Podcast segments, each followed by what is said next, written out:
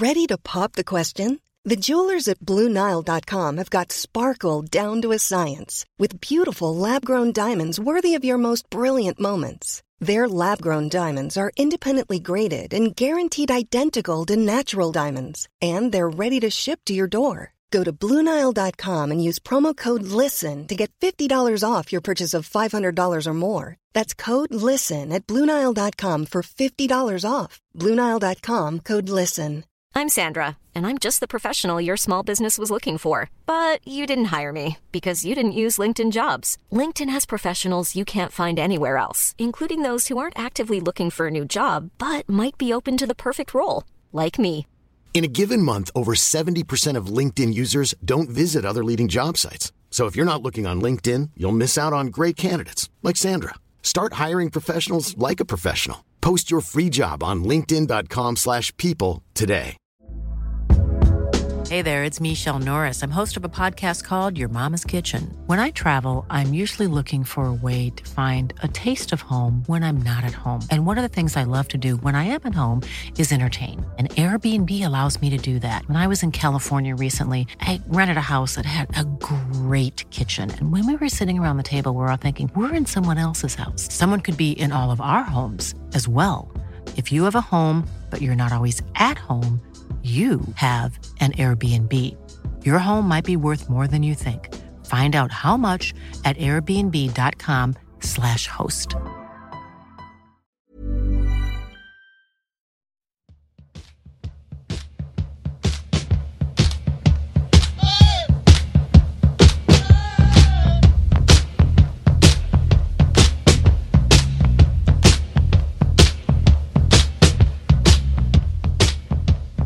Och välkomna tillbaka till Poddplats H, en podd om hockey och sport i allmänhet, men Björklöven i synnerhet.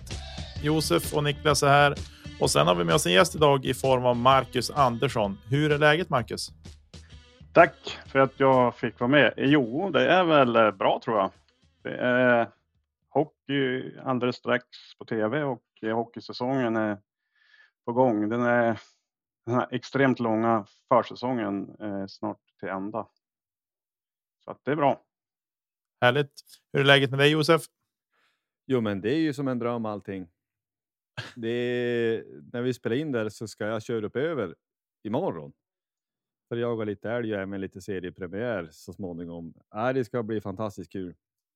Så det, det är bra. Jag håller med om bedömningen att nu kanske alltid försäsongen är lång, men han känns som extra lång. Känns som att vi har spelat träningsmatcher i 17 veckor. Vad är det frågan om? Kan vi inte Mm. bara spela en två, tre träningsmatcher och sen så kör vi? Ja, det Ja, håller jag med om. Du då Niklas? Jo då, det är bra. Det är fullt ös på många plan samtidigt så att det, man får timmarna att gå utan större problem faktiskt. Eh, I dagens avsnitt ska vi i vilket fall vi ska prata lite grann om drabbningen mot Östersund. Det är ju eh, inte en kanske så van motståndare för oss. Men de är nykomlingar i Hockeyallsvenskan så det ska vi prata om. Vi ska prata om vår nya målvakt Alex Deorio. Vi ska prata lite grann om läktar. Eh, vad kommer att hända på läktaren i vinter kanske vi ska säga och hur vi ser på det, det som kommer. Och sen ska vi följa upp det vi pratade om förra veckan med sociala medier, Youtube lite grann och sen ska vi ha en, en liten specialare på minnenas allé.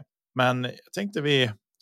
Vi hoppar igång på en gång och jag ställer frågan till dig Marcus. Vem är du? Berätta lite om dig själv. Ja, tack för att du tagit på sängen. Eh, nej, men eh, Marcus heter jag. Jag är en, eh, nyss fyllda 40. Eh, känns konstigt att säga det. Eh, som har, ja, jag har tre barn, eh, två tonåringar, säger ganska mycket. Eh, och så har jag en sambo då som vi bor alla på Marieberg i Umeå.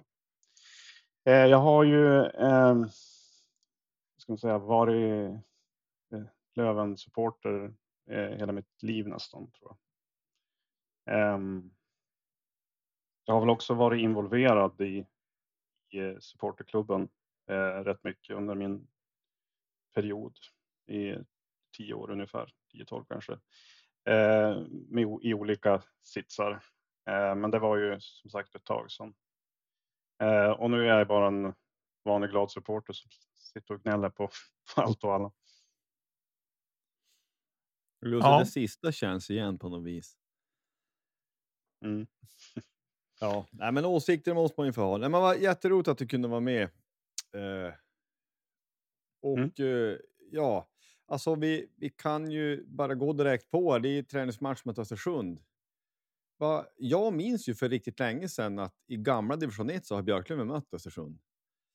Men det, Jo. var ju, det, det var ju länge sedan. Jag har inget minne av att jag har sett Björklöven möta dem, men det är fullt möjligt att man har gjort fast man har glömt det. Men Jo, eh, det har vi. Eh, Vi, vi var väl, eh, vad heter han? Vi mötte ju dem när de var gula och eh, Krutov? Nej, Fetisov var det. Krutov, Någon av dem. ju, Krutov var det. ja, Krutov och han gjorde någon säsong i Brun för det också, helt så här, eller får säga det väl. Helt osannolikt att en av världens bästa Ja. hockeyspelare har gjort matcher där. Det är ju galet. Ja, men jag för mig det, för jag, jag har sett dem i hallen och vi har spelat mot dem. Men sen om det var mot Brunflo, det tror jag inte. Men det var innan sammanslagningen där de gjorde.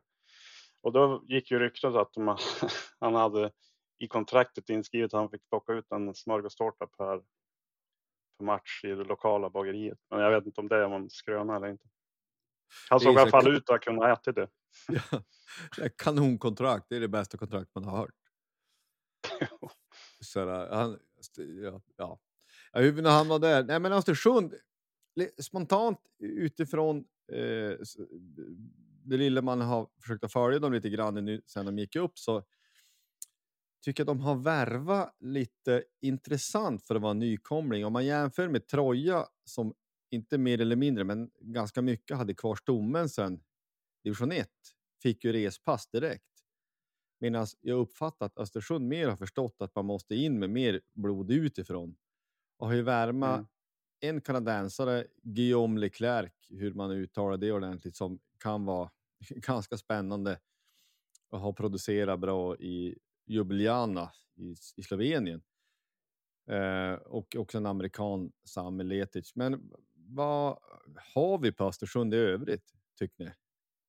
De har väl Mantler i mål tror jag. Fick Ja. fortsatt förtroende. Oh ja, och så har de en finne också. Och Reinersson också tror jag. Om vi ska snacka Löven-bekantingar. Precis. Ja, sen är jag dålig koll. Alltså det, jag vet att de har, de som vet sånt här, de har skrivit att de har gjort rätt, precis som du sa Josef. Eh, de har ju inte gått i fällan och har kvar tre kedjor från division 1. Utan gjort tvärtom, tre kedjor utifrån kanske. Ja, jag ser bara nu när fin, fin målvakten eh, Samu Peronen heter han, han spelade i Danmark i fjol men har ju då alltså spelat i finska ligan massa säsonger sedan förut så att det kan ju vara kanske liksom en hyfsat stabil och du har rotbacken, han minns man ju från eh, från Karlskoga. Det har han gjort ett par säsonger. Nej, men det, det finns både SHL-matcher och en del hockeyallsvenska matcher i truppen också. Så det blir ju ganska intressant att se hur vi kan matcha mot ett sånt sto- motstånd. Det är väl ungefär som kanske Hudiksvallsmatchen i eh, SCA-cupen här att ja, men Östersund kanske i en sån här match är något mer motiverade än vad vi är. Jag tänker bara, ja, men spela av den här skiten och hoppas att ingen skadar sig. Det är typ så nästan. Sen så vill Mm. man väl gärna se, Eh, vi vill gärna se struktur och ordning, att man gör saker ordentligt, men träningsmatcher är vad det är. Och vi går ju in vid de här två lagen med helt olika förutsättningar. Ja, så är det ju. eh, helt klart. Och jag såg också att laguppställningen var, var tunnare än vanligt också. Vi hade väl typ tre och en halv eh, forwardsuppsättning och eh, sex backar. Så det var väl såg lite grann som i slutspelet kanske. Eh, så, men det är väl bra samtidigt att vi att vi vilar en del folk och sparar dem och har vi små skavanker och eh, så där. Så då, nej, då tycker jag att det är rätt och riktigt att man mot ett sånt här motstånd också att man väljer att vila en del spelare. Ja, och det som känns eh, mest som intressant för en själv är väl att se målvakten här. Eh, Dorio, eller hur man uttalar hans namn. Eh, eh, jag älskar ju målvakter, höll på att säga. Eh, nej, men just att det är en högerfattad målvakt också. Det är, de som spelar hockey säger att det är lite speciellt att möta en sån. Så vi har ju två vapen där ser man ju som är lite, ser lite annorlunda ut vad jag tror. Mm. Ja, men det är väl en naturlig segway att eh, sen sist så har vi då fått in den här målvakten och det gör att truppen på papper just nu är full. Vad, vad tror du om den här Alex Diorio, a.k.a. Kakan jag förstår efter Oreo-kexet? Jag har, jag har ingen aning om vem det här är, utan det är direkt man får googla upp den. Vad, vad tror du som då målvaktskännare? Expertprofil Ja. och så vidare. Precis. Eh, nej, men eh, det, jag vet ju ingenting egentligen. Det enda är att eh, har man, han, han har väl skrivit NHL-kontrakt för några år sedan. för Mm. mig. Liksom, har man gjort det, behöver man ju, det, det betyder ju inte att man är automatiskt bra något år senare, men har man gjort det eh, i, i- så när ti, nära tid och liksom har varit i, i den organisationen han, han kommer ifrån så tror jag att det, det här kan bli riktigt bra. Han, det är svårt att säga hur han spelar, men kollar man på statsen är det ju inga så här, magiska stats, men det finns ju anledningar till det. Liksom, jag har haft en pandemi, det har varit få matcher, han har varit skadad, eh, så, ja, som han själv berättade. Eh, men, jag, men jag tror ju knappast liksom att eh, Fortier var det väl som kände honom och någon till skulle. Jag menar, man, han, man är ganska, spelar ju ganska högt om de tar hit någon som de inte tror skulle passa här. Eh, Så att där tror jag, och jag menar Kente skulle inte göra det om han inte kollar upp det. Han, han köper ju ingen gris i säcken. Eh, absolut inte. Men, han, men det återstår att se. Sen, det bästa vore ju som sagt om han, som många säger, att han utmanar Voutalainen. Alltså att han är helst lika bra eller bättre. Men alltså ni förstår så att det inte blir så det inte blir Tobias Lundström eh, Sällstedt så att någon är för bra som kanske inte får stå utan liksom när vi hade Mattias Pettersson och vem var det mer? Var det, eh, Med Kevin. ja, tack. Eh, då, då är det var det ju som en. Liksom, det var ju Pettersson var ju bra, men han fick ju aldrig stå. Så att det, det ska vara en kamp. Det behöver inte vara 90 procent tycker jag och där tror jag att han har hittat rätt i den här. Att eh, de får dela lite mer och istället för att bara köra 90-10 kanske köra eh, 60-40 eller i alla fall i slut eller nu i grundserien. I slutspelet ska man nog kanske mer satsa på en första. Mm. Ja, jag, jag håller med till 100 procent såklart. Att det blir en, en konkurrenssituation. Att det är inte så att man inte vill att folk ska känna sig trygg och säker, men ändå att ja, men bästa målvakten ska stå. Punkt. Uh, och inte som, som du säger att det blir då att ja, men du väljer en första målvakt och sen så kör du på det nästan oavsett vad som än händer. Utan det är bättre att kunna varva. Och, ja, men ser man ja, men erfarenheten över tid, ja, men det är ju en sträckning ifrån att helt plötsligt ska du slänga in en snubbe som gjort sju matcher under hela säsongen i ett slutspel. Det är ju Mm. nästan som att du kan klappa igen det då, det vill man ju inte. Eh, och inte heller att någon målvakt ska, ska ta för, mycket. Vi jämför ju inte svensk hockey med NHL, där NHL och AHL spelar fler matcher, men det är ju ett fel som många lag har gjort där du har haft Henrik Lundqvist eller Carey Price eller någon annan så här riktigt svinbra målvakter som vill stå mycket. Jo, men då kanske de har Mm. stått för mycket när man faktiskt tar nu, även fast det var corona när när Montreal gick till final så var det ju också att Carey Price hade inte stått lika mycket för han hade tidigare varit skadad. Och då Ja. kom han fit for fight och var precis hur bra som helst och höll på att vinna en cup till Montreal då. Så ibland är det också viktigt att man delar på det utifrån att den, även den tilltänkta första målvakten inte ska vara för sliten när allvaret börjar. Nej, alltså när Endre hoppade in mot Modo, jag ska inte säga att man trodde att det var kört, men det kändes ju som att det här kommer att bli otroligt svårt. Det, det var det på förhand också, men, man undrar att han klev in så där, det hör ju kanske inte till vanligheterna. Eh, att han lyckas med det. Han, han var bra. Vad tycker du då, Nicke? Om den här nya? Jag satt och kikade idag lite grann faktiskt och eh, försökte bilda mig någon sorts uppfattning om honom. Jag är ju målvakter är ju inte det som jag kanske har nördat ner mig mest i, än om det är ju kanske enklare att nörda ner sig i målvakter, för det finns inte så många av dem i varje trupp. Men det lilla jag har sett så det, han är ju. Alltså om vi jämför mot de två målvakter vi hade i fjol så är det ju helt och hållet andra sidan myntet mot för hur Endre uppträdde på isen och så. Eh, att han är lugn och trygg och liksom inte alls så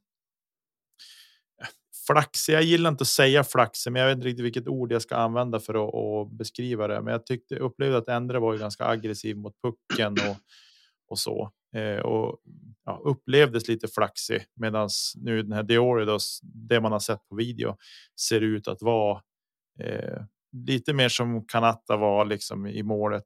Mm. Eh, lugn och stabil och liksom inga utsvävningar på så vis. Och så sen är det som sagt och det är otroligt intressant att han är högerplockare också, vilket mm. eh, såklart. Jag, jag funderar på det där lite grann. Vad, vad, det, vad kan det innebära för för utespelarna. Men det är klart att de, är de van att skjuta på den sidan för att det är stötsidan eller ja, vilken sida de vill skjuta på så är det ju såklart att helt plötsligt ställa om siktet bara är inte kanske så bara. Eh, så det är ju. Jag tycker att det är ett vapen att vi har. Två målvakter, en vänsterplock och en högerplock. Eh, och jag hoppas precis som du säger Marcus att det ska bli konkurrenssituation för det föder bara framgången att det blir tävling om det och vem som ska stå. Och även att eh, det gör att de kan varva lite mer. Precis som du säger att vi får lite 60 40 kanske 55 45 kanske ännu bättre och att vi går in i slutspelet med två fräscha målvakter. Det är ju ett, mm. lite grann ett drömscenario, men jag tror att det kommer behövas för att vi ska kunna gå hela vägen. Att vi har två fräscha målvakter så att spel, utespelarna kan lita på att det spelar ingen roll vem vi ställer i mål, utan eh, det blir tryggt och bra i vilket fall. Jo, nej, och han är för att använda ett uttjatat uttryck. Han är väl en modernt skolad målvakt. Är därför han står som liksom trygg och still i målet. Eh, vad man har sett eh, till skillnad från kanske Endre och vad heter han i Modo här som flyger lätten. Han far ju och flyger ganska mycket. Alltså jag säger inte att det är fel, men jag, jag, om jag får välja så har jag hellre två lugna, moderna, stabila målvakter än att ha en eh, flygande. Liksom. Det, det är väl som de alla säger som eh, kan målvakts, målvakteriet, alltså gör en målvakt en spektakulär räddning och flyger framöver, då, då har han ju stått fel. Alltså då, då har den gjort något fel. Utan mm. man ska ju stå liksom bra position och kunna rädda och se lugn och liksom se ut som en, ja men som Tex gjorde lite grann första två matcherna han stod mot oss. Jag tänkte att det här kommer mm. aldrig gå. Han, han var för, liksom, det kom inte igenom ett skott. Det är precis så man vill ha det. Mm. Precis. Jo. Auktoritet på något sätt. Eh, mm. Som gör att motståndarna ska tycka att det känns besvärligt att möta målvakterna. Det, mm. Det minns man ju själv när man höll på med, med eh, ja, men, eh, innebandyn och så. Man spelar mot lag som man visste var tuffa att möta. Men oftast var det för att de hade en otroligt bra målvakt också, vilket gjorde att man kände sig besvärad om att komma till. När man väl kom till avslut så visste man att det är någon där som är riktigt bra och i vägen. Eh, så där så att nej, jag, det jag har sett så känns det otroligt spännande. Ja, vi, vi brukar ju ofta säga, det är värt att säga nu också, att vi, vi är ju där vi är i näringskedjan och därför får man ju värva en sån här målvakt som kanske är lite grisen i säcken, men det kan bli en jättebra träff också, vilket vi hoppas. Och det är ju då att ja, men det krävs lite mer av scoutingen och ser man på eh, liksom Kentes track record. Han tog hit Kanata som inte en kott hade talat om och så visade det sig att han var hur bra som helst. Så man hoppas att han har gjort ett grundligt jobb nu också. Det är nästan, jag vill nästan knyta i det när du säger med, med att stå med auktoritet. Det är bara borta matcher, ingen som Tingsryd första gången jag var där. Det var ju då den säsongen där eh, de hade tagit målvakten och, och gick för att kvittera. Det vid ett par tillfällen med någon minut, men varför skjuter de inte? Och det inser man att ja, men de ser att Kanata har fri sikt och då, det är som att de tvekar någon halv sekund att han, han är sån auktoritet i målet så att ja, men de tror inte ens själva att de ska göra mål nästan. Nej, de tror inte på det eh, själv. Nej, och det blir lite, lite lustigt. Det, ja, vi ska ju säga också att han är stor också. Han är nästan 1,90 lång. Så att det bör ju betyda att han täcker ganska mycket eh, av målet. Vad nu det ska säga. Men om man då samtidigt kan vara, ha en förmåga att vara rörlig, då finns ju en, en möjlighet att eh, det här kan bli bra. Men det är, det är bara hoppas att han är bättre än våra andra tre högerplockare vi haft och jag tror att det är inte för att risa gamla målvakter, men det är nog inte så svårt heller. De blev ju som inte något jättebra, någon av dem. Nej, Nej, det, det måste vi kroka i. Jag minns ju bara två spontant där. Oskar Maciel och Mattias Lindmark som vi värvat från Kiruna way back. Mm, han är år sedan eller- fortfarande, tror jag, lovande om man frågar Löven-kansliet. det var en sån där, nej, men det var skämt åsido, det var en sån där, han och eh, Bejegård var väl fortfarande lovande. De fick många chanser innan de fick sluta. Ja. Ja, jag, jag minns Ja, men sen hade vi ju.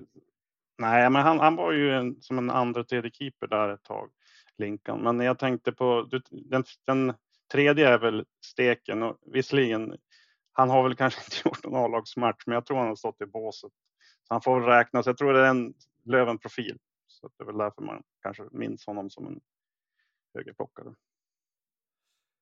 Men precis, ja, men har man ändå stått och öppnat båsdörren så får man väl ändå räkna det som att man har gjort matcher. Fast han Mhm. Inte har spelat en enda sekund, men han har i alla fall varit ombytt och det är mer än vad man kan säga mot de allra flesta. Jo, exakt. Mm. Men alltså är det inte proportionellt färre högerplockare? Jag menar, rightare i ett lag finns det ofta ett gäng. Men vi har ju värvat gäng och det var ju någon, någon spaning som de gjorde att de, de amerikaner och jänkare vi har tagit in nu, det är ju hög, höger människor. Eller alltså, Men det är nog inte samma grej ändå, tror jag. Eh, alltså då, om man är hö- högerplockare, då är man ju oftast eh, vänsterhänt. Men när du är högerskytt behöver du inte vara vänsterhänt. Är det väl? Du är väldigt Mm. sällan du är en vänsterhänt och inte högerplockare. Ja, Så det kan nog vara på det sättet. ja, precis. Jo, För rightare, är så- liksom, jag känner ju jättemånga, jag är själv rightare och vänsterhänt. Men jag känner jättemånga som är rightare men högerhänt. Så det, ja, fastna Ja. i det. Nej, men det, men det liksom är intressant att alltså, rightar-skyttar finns det ju i alla fall någon eller några i, i princip alla lag. Medan vi nu Mm, konstaterar att det är totalt fyra i Björklövens historia som vi kom på som har stått med högerplock. Så att det är ju, det finns någon slags... Ja, det är väldigt ovanligt i alla fall. Om du, till, jag tror jag lyssnade på Fredrik Andersson här innan matchen idag mot Östersund. Då sa han ju det att det är, man blir lite lurig i huvudet. Det blir, eller vad han sa, när man kommer fram och liksom måste tänka.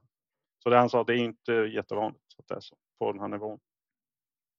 Mm.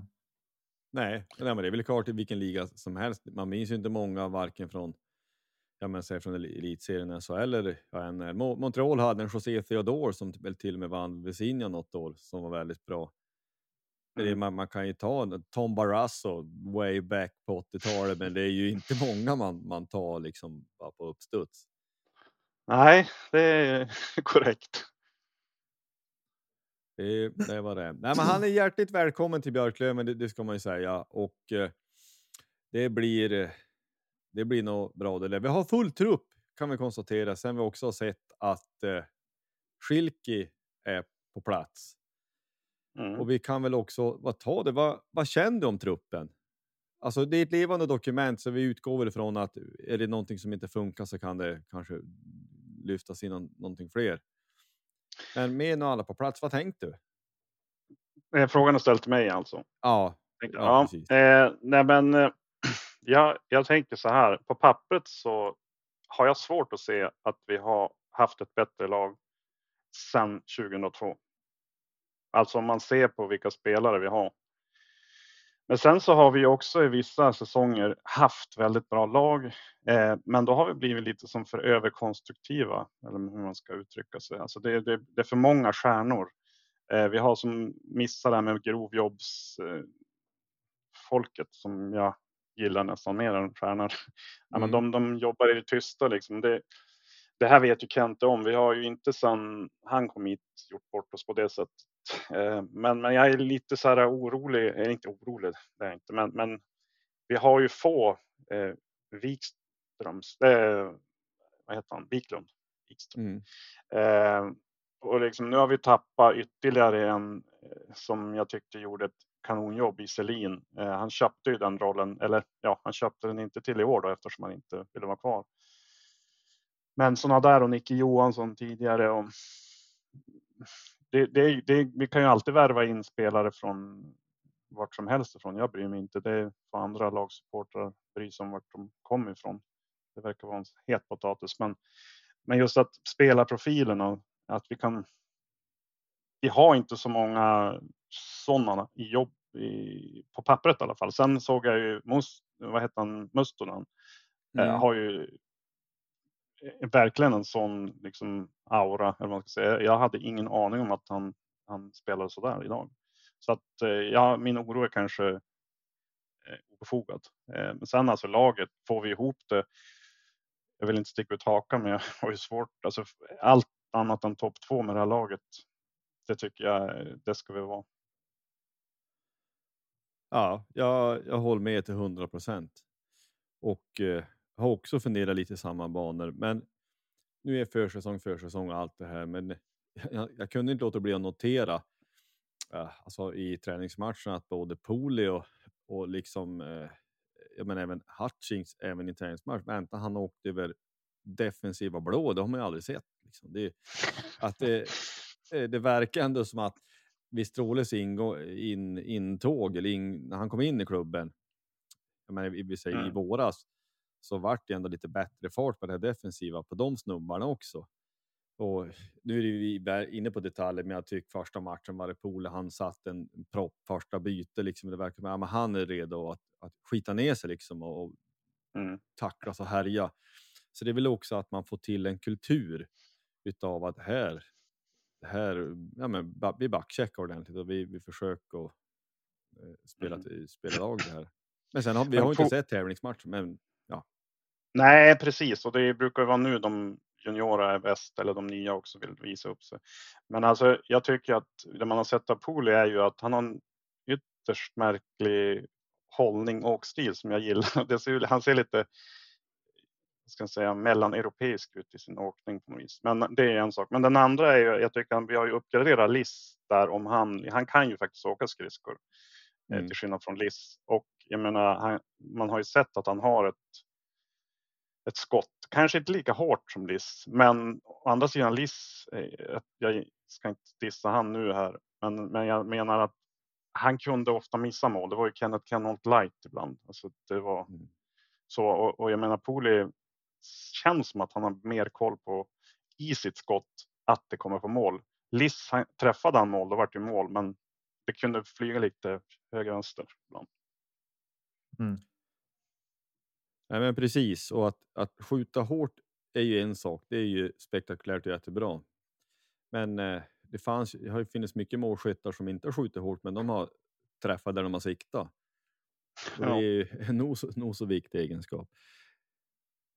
Nej, men vi, vi har väl alla möjligheter. Jag håller med dig till 100 procent. Alltså det, det lag vi har på pappret nu är ju 20 år sedan vi hade Mm. med då reservation för att man kan inte jämföra 20 år som mot för idag. Men vi, vi har ett, ett ruskigt bra lag på papper och, och det. ehm, Jag tycker också med den tränarstab som eh, vi har, med de förutsättningar vi har i övrigt så, så får vi bara får vi liksom ut vad det här laget kan.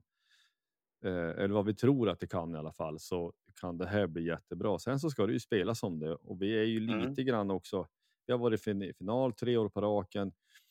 Vi är väl lite grann ett lag kanske som vi kommer att få alla andra slags bästa varenda kväll. Mm. Eh, inte så att folk inte tar i övrigt, men ni, ni fattar vad jag menar. Det är väl liksom på något sätt. Vi, vi är Björklöven som satsar på att gå upp. Det är kanske lite roligare för andra lag att ta poängen mot ett lag med en sån uttalad ambition. Ja, men så är det ju. Och sen är det ju, jag tänkte på det faktiskt, eh, att om, om vi, Kente har ju gått liksom till final i fyra år i rad. Och skulle det bli ett femte år, alltså vad är oddsen för det? Att en sportchef gör i, alltså även om det är två lag bara så är det ju. Ja, nej men eh, vi, det får vi se, det, det är då det, men vi, vi har, man kan säga så här, förutsättningarna har sällan varit bättre. Sen får vi se om vi får ihop det här. Eh, det är inte första gången det skulle misslyckas i så fall, eh, oavsett inte vad vi, utan det, men vi satsar ju högt och, och satsar på att gå upp. Och det är, tycker det är skönt att vi säger att vi gör det också. Förut var det mer som så här, ja, jo, men vi ska vara där uppe och jo- jobba, men nu ska vi bara upp. Och, eller liksom, det, det man vet är att om vi lyckas hålla där uppe över tid, då går vi upp. Jag vill ju knappt säga det, men jag tycker Skellefteå hade liksom de låg ju där i fyra år eller jag kommer inte ihåg, men länge och väntade. Mm. De misslyckades, misslyckades, misslyckades. Man var ju så glad så det fanns inte. Men alltså, det, det visste man ju innerst inne att till slut kommer det här gå eftersom de är topplag hela tiden och topplag hela tiden går till slut upp. Mm. Så är det. Ja, men det är ju likadant i topplag som år efter år blir topp 2, 3, 4 förr eller senare i, ja men säg elitserien eller SHL. Ja, men förr eller senare får de en träff och vinner SM-guld. Mm. Svårare än så är det inte. Att du kan inte vara så ofantligt bra och gå till semifinaler och finaler hur många år som helst och sen så, ja men förr eller senare så, så träffar du rätt. Tänk, och, och det är ju exakt samma, samma princip, men det är ju också, ja men vad säger man, ackumulerat för, ja men, fort, ja men då är det ett båtben på någon och så är det en, någon ljumske på en tredje så det kan, sånt kan stöka till.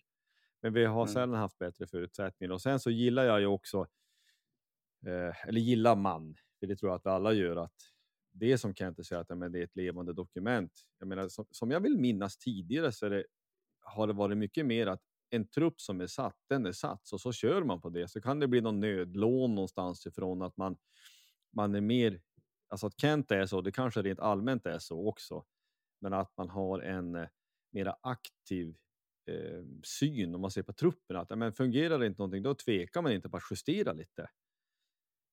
Ja, men nu, nu funkar det inte med den här backen, ja, men då byter vi ut han mot någon istället för att ja, men vi väntar tills nästa säsong därför att nu hade den här kontrakt eller ja, jag tror ni fattar Mm. vad jag menar. Det var Ja, jag förstår. Men eh, så här då, för att flika in med en, med en liten fråga. Eh, nu tycker jag, om jag tänker tillbaks historiskt på de nyförvärv vi har tagit in, dels under säsong, men även inför säsong som kanske har varit uttalade eh, målskyttar eller sådana saker. Eh, jag, min spontana känsla är lite grann att eh, det känns tryggare på något sätt nu med de värvningar vi har gjort kontra vad det gjorde för kanske, men säg tio år sedan. Eh, eller när, liksom när vi hade kommit tillbaka till Hockeyallsvenskan var det så men nu har vi värvat den här och han är en uttalad målskytt och hej och hit och dit. Men det var ändå liksom så här. Ja, men vi ska få ihop gruppen också. Det är inte bara att värva en som har gjort mycket mål i Tyskland Mm. eller Schweiz eller så, utan man ska. Han ska passa in i gruppen och liksom anpassa sig till den och ja, man ska få ihop allt alltihopa liksom. Men jag upplever att under Kente så. Jag kan liksom inte minnas att vi har haft några riktiga floppar under han. Vi hade någon back i fjol som vi tog in. Eh, som. Som var med en kort stund bara, men som sen försvann igen. Eh, Även ur minnet ett- vad han heter. Jag kommer Nej, jag kommer inte ihåg. Jag kommer inte ihåg vad han heter, men liksom så här, och det får man väl konstatera att det är en en. En floppvärmning. Mm. Eh, Men spontant så känns det som att det är en annan känsla kring gruppen och kring truppen. Nu än vad det var, än vad man kunde utifrån i alla fall ha känslan kring laget än vad vi hade ja, men ett par år tillbaka innan Kente egentligen. Men det känns så här äh, lite grann som att det är en helhet. Han värvar utifrån vad vi behöver. Förut som du säger, då kunde vi ha en grundtrupp på äh, vilka vi nu hade, en stomme. Och så sen så startar vi med den och så sen då värvar vi en person som skulle vara någon typ av frälsare som Björklund.com skrev med Mike Kickling. Eh, äh, då, det, det funkar ju som, det kan ju funka, men det är ju mindre chans tror jag än att vi gör som idag. Vad hette han? Eh, ja, men vi värvade, liksom, vi hade en supporterspelare ofta och så gick folk igång och så tror man att, eh, jag trodde även jag, att hela, liksom, allt ska falla på plats för att vi får en spelfördelare som inte ens vet vad det här handlar om. Alltså det, det är smartare värvningar. Kente har ju lyckats av en anledning, så jag håller helt och hållet med. Ja, men det har väl ibland kommit, ja men nu är det frälsarstämpel.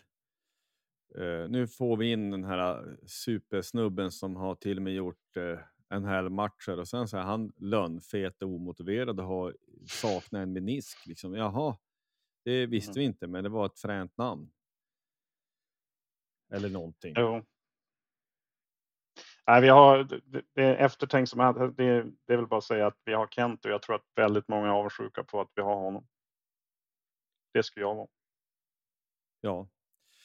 Ja, men precis. Nej, men det, det känns, man har en pos, positiv spontan känsla och eh, det, här, eh, det här blir bra. Förhoppningsvis. Vi går vidare.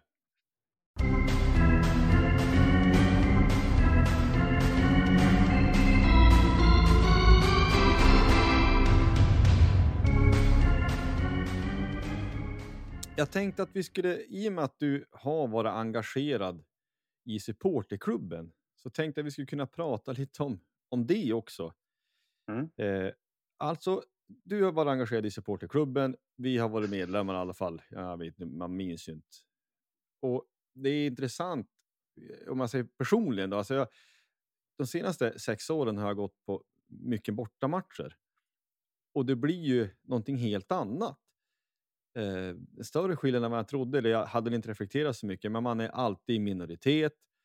I, ibland så är man en handfull beroende på vilken match det är och, och vars man är någonstans. Men hur skulle du säga att, att eh, ja, men vi kan ta en nutid, vi tar den här säsongen som vi, eh, liksom, när allting bara vände 1920. Hur uppfattar du att det har utvecklats på läktaren eh, de senaste tre, fyra säsongerna? Ja, alltså från början, vi måste backa bandet lite grann för att eh, alltså supporterkultur handlar ju mycket om att eh, överleva till nästa generation. Och det är ju svårt att få liksom, folk att gå dit när eh, laget inte går bra. Alltså, vi, vi, är ju egentligen alla motgångssupportrar som håller på Löven, så måste det vara, annars mm. hade vi slutat för länge sedan. Men till slut så måste ju liksom en supporterskara få ett uppsving eh, sportsmässigt också. Så om man, om man kollar på 00-talet, vi kan ju backa ännu längre, men vi börjar där. Då tycker jag som att Löven låg alltid i topp där och köpte sig bra lag och lyckades nästan eh, 06-07 var det väl. Eh, och sen liksom då började det här eh, hetsvärvningarna och mm. lite märkliga värvningarna. Och då är ju supporterna på topp. Alltså i min, den säsong jag kommer ihåg bäst genom alla mina år, det är ju 06, nej, 05, 06 och 06, 07.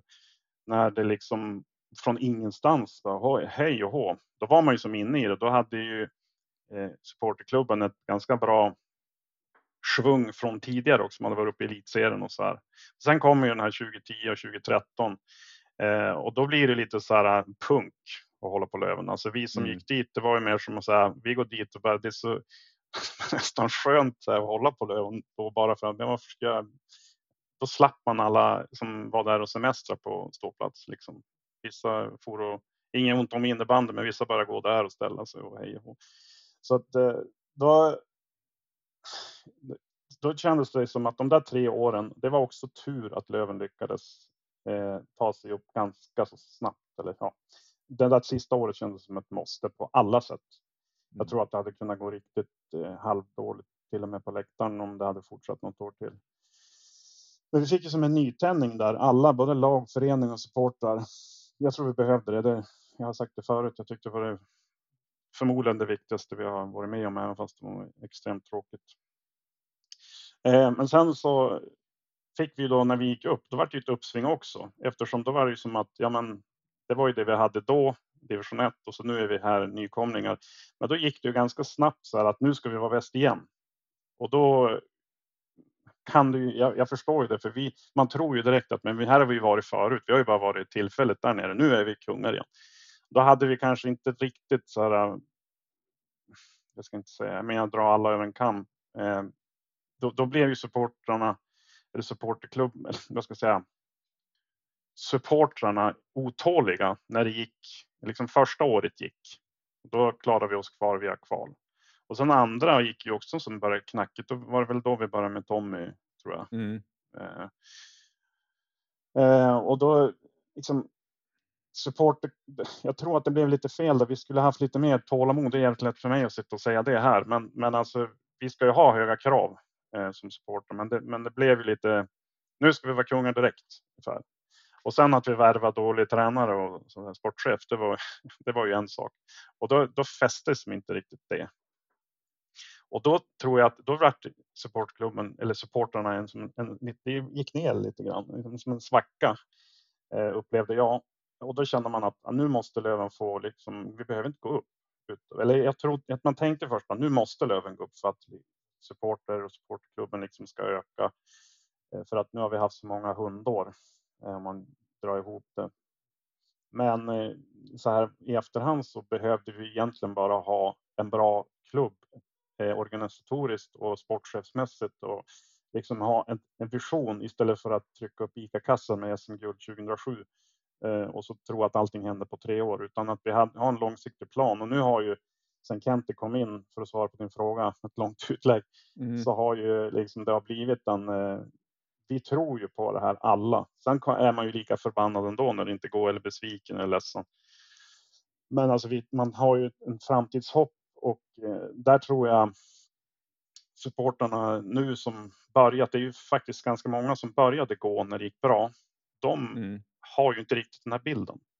Om jag, alltså som jag beskrev nu tror jag. Mm. Eftersom det är ju mer som att, ja men nu ska vi upp, alltså jag ska inte säga det här, säg det inte till någon, men alltså, jag är ganska nöjd på ett sätt att vi är där uppe hela tiden och slåss. Att vi inte går upp ett år, då blir man ju besviken och missnöjd. Och så Men när man tänker efter i ett stort perspektiv så alltså vi är ett topplag och alla är rädda för oss och vi är liksom, det är bara att vi fortsätter som jag var inne på så, så ska det här nog gå.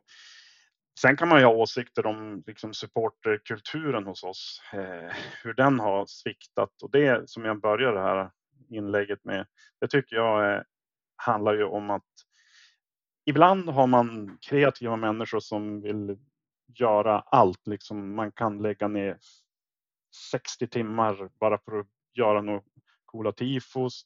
Man har ett jobb som man kan anpassa ut efter. Man kan driva saker och liksom utveckla saker. Och så sen så när den där supporterskaran eller klicken byts ut, då, då är det så att då kan det ju vara andra människor som kanske inte har det där drivet med att göra tifos eller någonting. För att liksom en del kommer fram någon till oss och sa, men ska ni inte beställa en tifo igen? Det var länge sedan. Jag sa beställa, vad, vad menar du då? Ja, men ni beställer väl på fabrik? Nej, så det, det gör vi själva. Vi ritar och så på OH-flaggor och så, så, så ritar.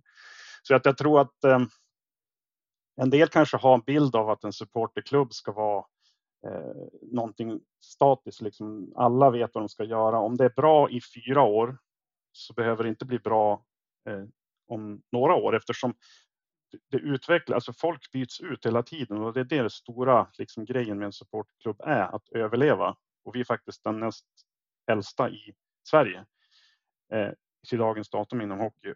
Och det är svårt, bara det, men att vara på tå hela tiden, det är, det är också svårt. Ja, ja men verkligen. Och jag med då att man har varit på mycket bortamatcher de sista åren så, så blir man ju också stolt över att eh, man får ju på något sätt ta in att ja, men Umeå är en relativt stor stad jämfört med många andra, men det, det är när vi är bra så är vi bra och då är vi också mm. betjänta också. Då ska man ha klart sig. Vi har en ståplatsläktare som är ganska stor som vi ska vara rädda om. Alltså det ryms många där och det gör att det kan väsnas mycket i kombination att i grunden är ja, Umeå ishall om man säger så. Det är en gammal plåtlåda så att ljudet studsar bra. Eh, jo, och, och liksom jag tycker eh, att det, jag har ju också nu när jag inte är med så, så aktivt, eh, sitter på sittplatsen två år, hör och häpna, då, då har man ju, man, man tänker så här, men vad fasen, varför är det ingen som kör igång? Varför är det så dåligt drag idag? Det var ju märkligt. Och så tänker man ett varv till, ja, gå och ställ dig där själv, surgubbe. Mm. Alltså det, det är ju en, det handlar ju om att gå dit och leva om. Eh, men sen kan man ju alltid tycka, men man ska ju ha klart för sig att du får gärna hjälpa, ställa dig och hjälpa till. Vi, vi är väldigt bortskämda att vi ska ha en, alltså när vi är som bäst och har ett tryck, då är det ju en, den gröna väggen. Det är, ju, det är ingen i Sverige som tar i hockey. Det är jag helt Nej. säker på. Nej, alltså jag har varit på mycket matcher i mina dagar. Det är inte någon så här, hö, jag är en gammal men man tickar mot det 50. Alltså jag har varit på något Stockholmsderby i Globen där det nästan är 14 000 och när det är liksom järnkaminernas dag på Hovet, alltså då, när, när de samlar upp och det kommer liksom fotbollsfolk dit, då är de grymma huvudstadslagen. men de har ju en, man säger, en medelnivån är ju lägre för att de har inte samma uppslutning. Det ska ju faktiskt bli jätteintressant att se hur Mm. Djurgårdsfamiljen löser det här med hockey nu. Alltså att om det blir en uppslutning och man tänker att nej, men nu får vi, vi åkte ner i division, vi kanske kan börja om och göra om rätt eller hur man nu tänker att publiken kommer eller inte. Men jag vill också knyta i att eh, division 1 eh, gillar vi ju inte på något annat sätt. Förutom på något konstigt vis att som du säger att ja, men det var 1500 på en match i november. Men alla är här för att de bryr sig om Björklöven. Det finns Mhm. inte en enda här inne som är här för att det är någon livebands. Eh, ja, men det är KRIF som kommer på besök. Det är ju inte så att mm, vad rolig hockey det här blir. Men många matcher framförallt på hösten handlar ju bara om två, två saker. Kommer Löven göra tvåsiffrigt och kommer vi hålla Mm. nollan? Nej, Men- men eh, jag håller med. Och just Djurgården, när de var, när vi gick upp 13, 14, nej 14, ja, skitsamma. Då, den säsongen vi gick upp, då, då eh, var ju de upp. Eh, De fick ju en helt kort sida då. Eh, säga vad man vill om det. Jag förstår att Löven ville sälja ut, men det blev ju också som, ja, de fick eh, en hel kort sida där. Vi fick full hall, men då, då körde de ju liksom den säsongen. Nu hade de ju varit nere ett år innan. Mm. Men jag tror ju inte det någon av Stockholmsklubbarna skulle klara liksom av att ligga som, ja, typ som AIK gör och ha ett bra stöd i tioåriga Hockeyallsvenskan. Det, det finns inte tror jag. Där. Aldrig. Nej, men det tror inte jag heller. Utan eh, det ska vara intressant att se. Ja, men, eh, ta nu, när det inte, nu blir det så hypotetiskt, men eh, HV hade ju, får man ju säga, en, en imponerande samling. Man knöt näven. Men Mm. okej, låt säga att de inte hade gått upp direkt.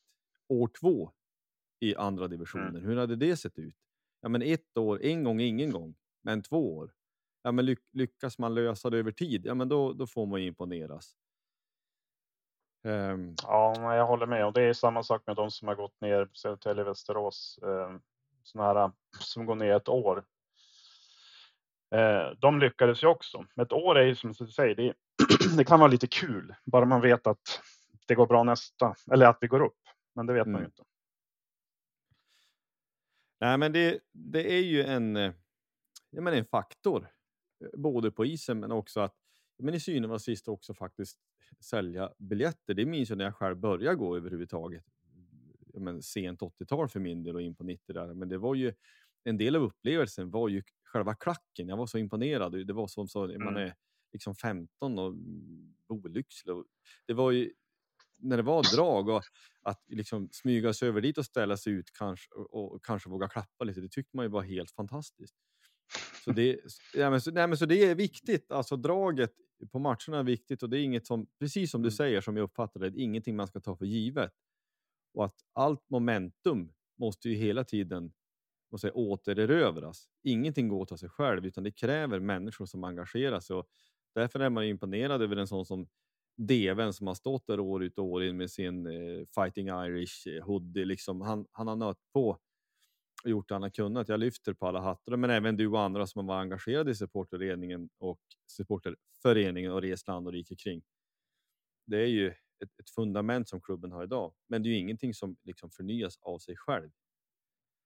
Såklart. Nej, det är ju ganska, nej precis. Och det är ju ganska roligt det där med just supporterklubbs eh, grejer. Jag fick ju flera sådana förslag från um, fotbollsklubbar och eh, en Dalen var ju också, Urban ringde och frågade om vi inte kunde komma och ställa oss på läktaren och byta ut Löven mot Dalen och så får ni lite korv i pausen.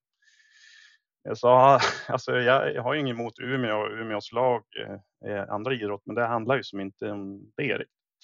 Det är ju som svårt att förklara. Man tror ju att Jag sa, alltså se, se oss som en eh, medlem i, att man är medlem i Svenska kyrkan, typ att vi samlas i en kyrka. Vi behöver inte liksom hålla på samma lag i övrigt, bara för vi är med, med i samma förening. Så att. Mm. Nej, jag håller med. Nej, men vi får. Eh, det blir ju så. Jag, jag sa just, jag, jag reser upp över här och kommer vara upp, upp över när seriepremiären går av stapeln och jag tänker att ja, men då ska jag väl ställa mig på håder så gammal man är och allt annat än att jag är hes. Det, då är jag ju besviken på mig själv. Låter bra. Eh, det måste man ju säga. Ja, Jag tänker så här Nicke, vad tror du? Vi, vi går vidare.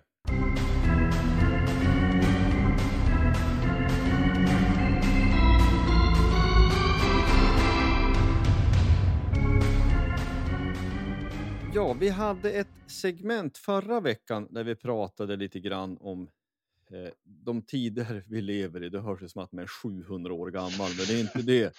Nej, men alltså, vi, vi har sociala medier, vi har plattformar, vi har möjligheter att marknadsföra sig på. Och inte bara möjligheter, utan även skyldigheter.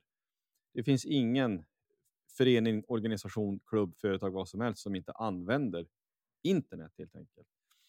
Och vi har grävt lite och vi vill följa upp lite grann runt detta med eh, Björklövens Youtube-kanal. Vi konstaterade att det man har satsat på på slutet, och på slutet sista par åren i alla fall, som vi uppfattade som på, eh, på Solid Sport. Där, ja, men senast idag så var det en intervju med Nick Schilke och att den inte läggs ut på Youtube. Och det har väl varit en, en funderation i att men varför använder man sin egen officiella kanal så relativt lite givet då att den använder ja, men alla inom citationstecken. Men all, liksom, det är väl det, det, vanligaste som sagt plattformen i världen.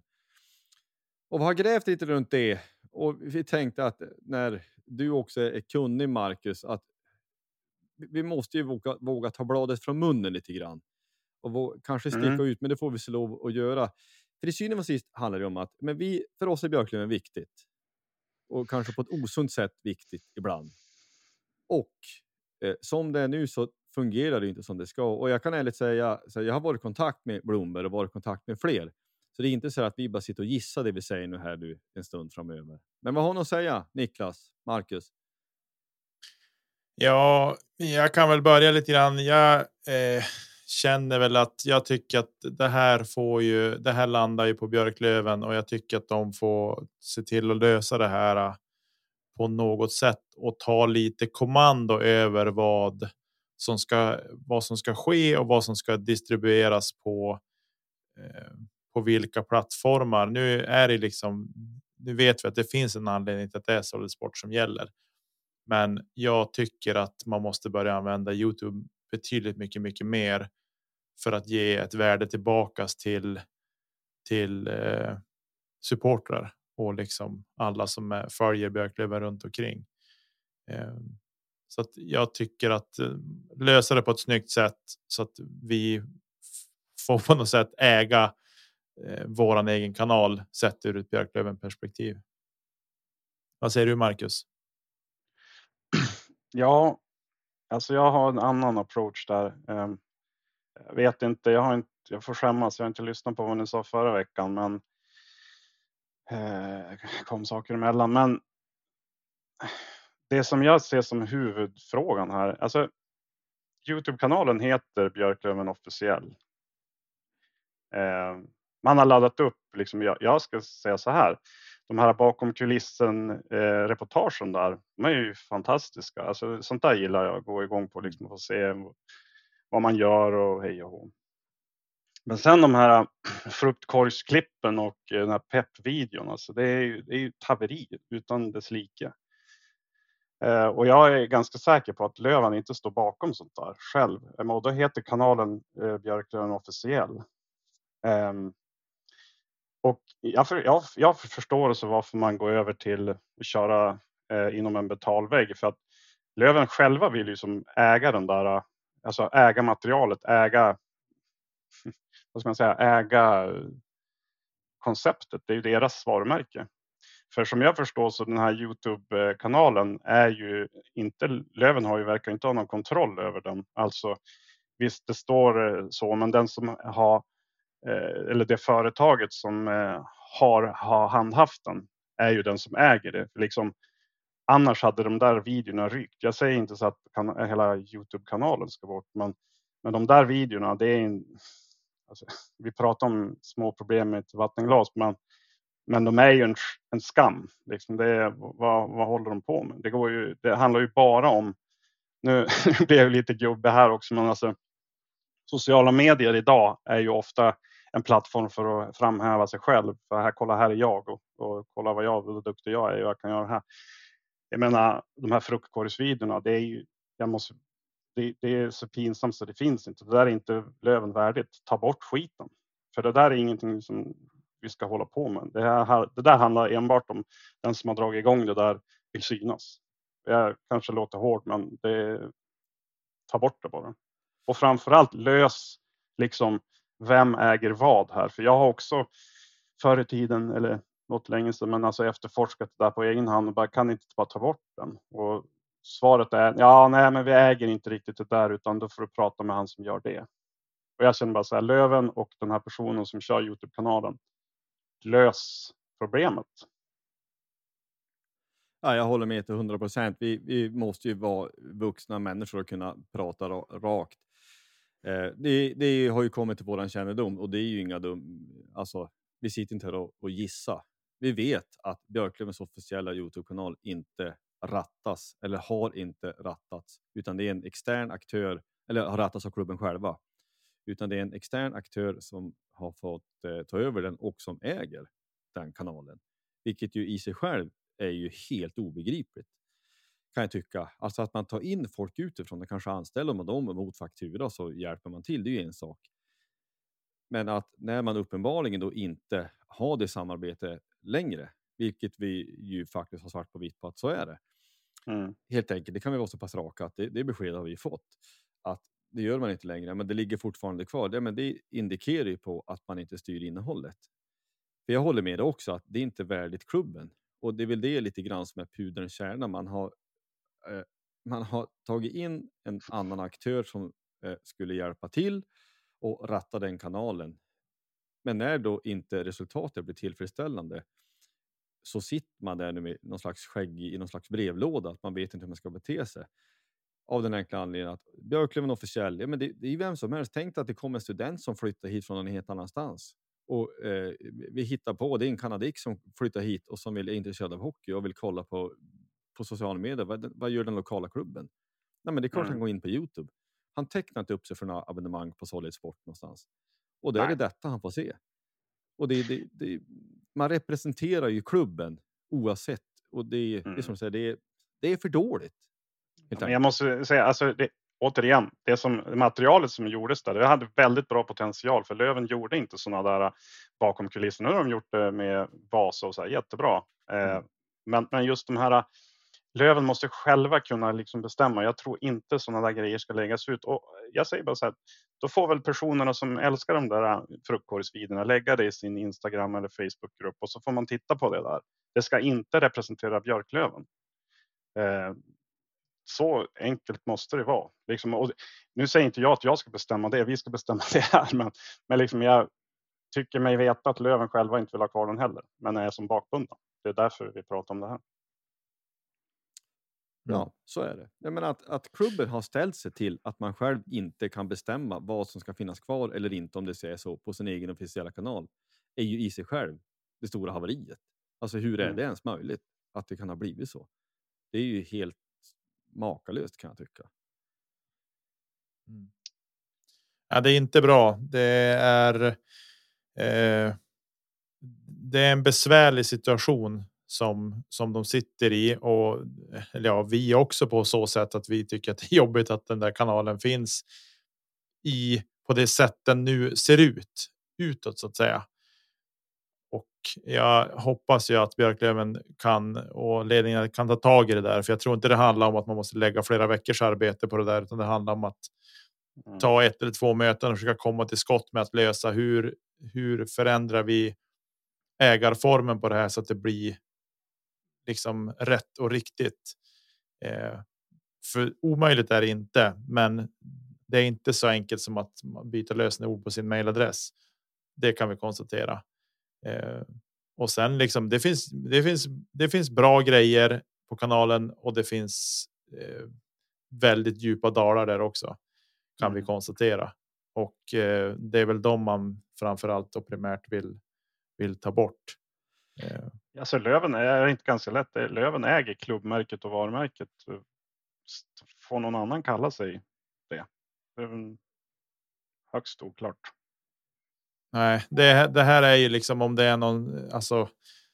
Det här med kontrakt och inte kontrakt och vad är vad är det som är sagt och så. Det, Det är det som kanske är ett problem, men jag håller med dig Marcus att det är. Eh, det här måste tas tag i för jag tycker att det är. Det är skadligt att det är så här nu. Ehm, och eh, nej, inte bra helt enkelt.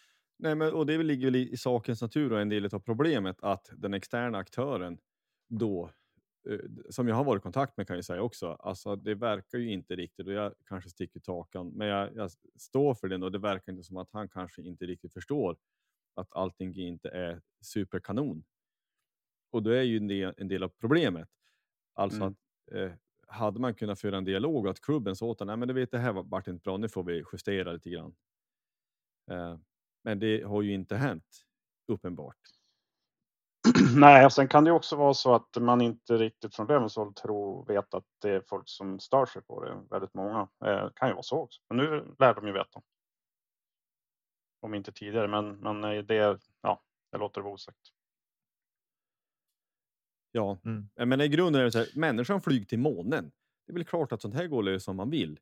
Men jag har inte uppfattat det som att det har funnits något större driv från Björklövens sida att faktiskt komma till rätta med det här. Och det, jag tycker att det är för undermåligt. Och jag, det är lätt att sitta här och, och, och gnälla, men jag, jag förbehåller mig ändå rätten att göra det. I och med att jag tycker att detta är en del av det som kallas för marknadsföring. Och det vill också mm. säga, när det, när det går att göra bra, varför inte göra bra? Och som det nu är när vissa saker är allt annat än bra, det är inte ens halvbra, utan det är, det är som, som du säger, det är ett haveri. Det blir ja, men, pinsamt. Och det, och det ska ju säga att kanalen är ju död. Det händer ju ingenting där, så det, det är ju inte så att det spottas ut fruktkorgsvideos varannan vecka, men det är ju liksom att äga, äga det man, sin egen kanal. Det vore ju bra. Ja, mm. det, det. Det kan väl ändå känslan man har fått är ändå att de på något sätt ändå. Eh, Björklöven godkänner eller inte godkänner på något sätt, i alla fall det som har gått ut tidigare.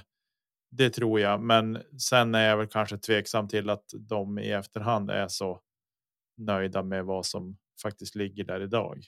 Jag råkar veta att så är inte fallet, utan den personen har, nu kanske jag får på tasken här, men har liksom efter vad han, han tycker.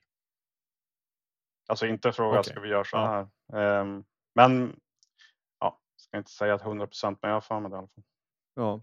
ja, men det är den uppfattning jag fått också utifrån de, vad säger man, de, man har ju chattat och mejlat runt lite. Det är den uppfattning jag fått också, att han, han fick mer eller mindre fria händer och att hade det varit en som bara gjorde bra grejer så hade det ju kunnat bli något väldigt bra av det.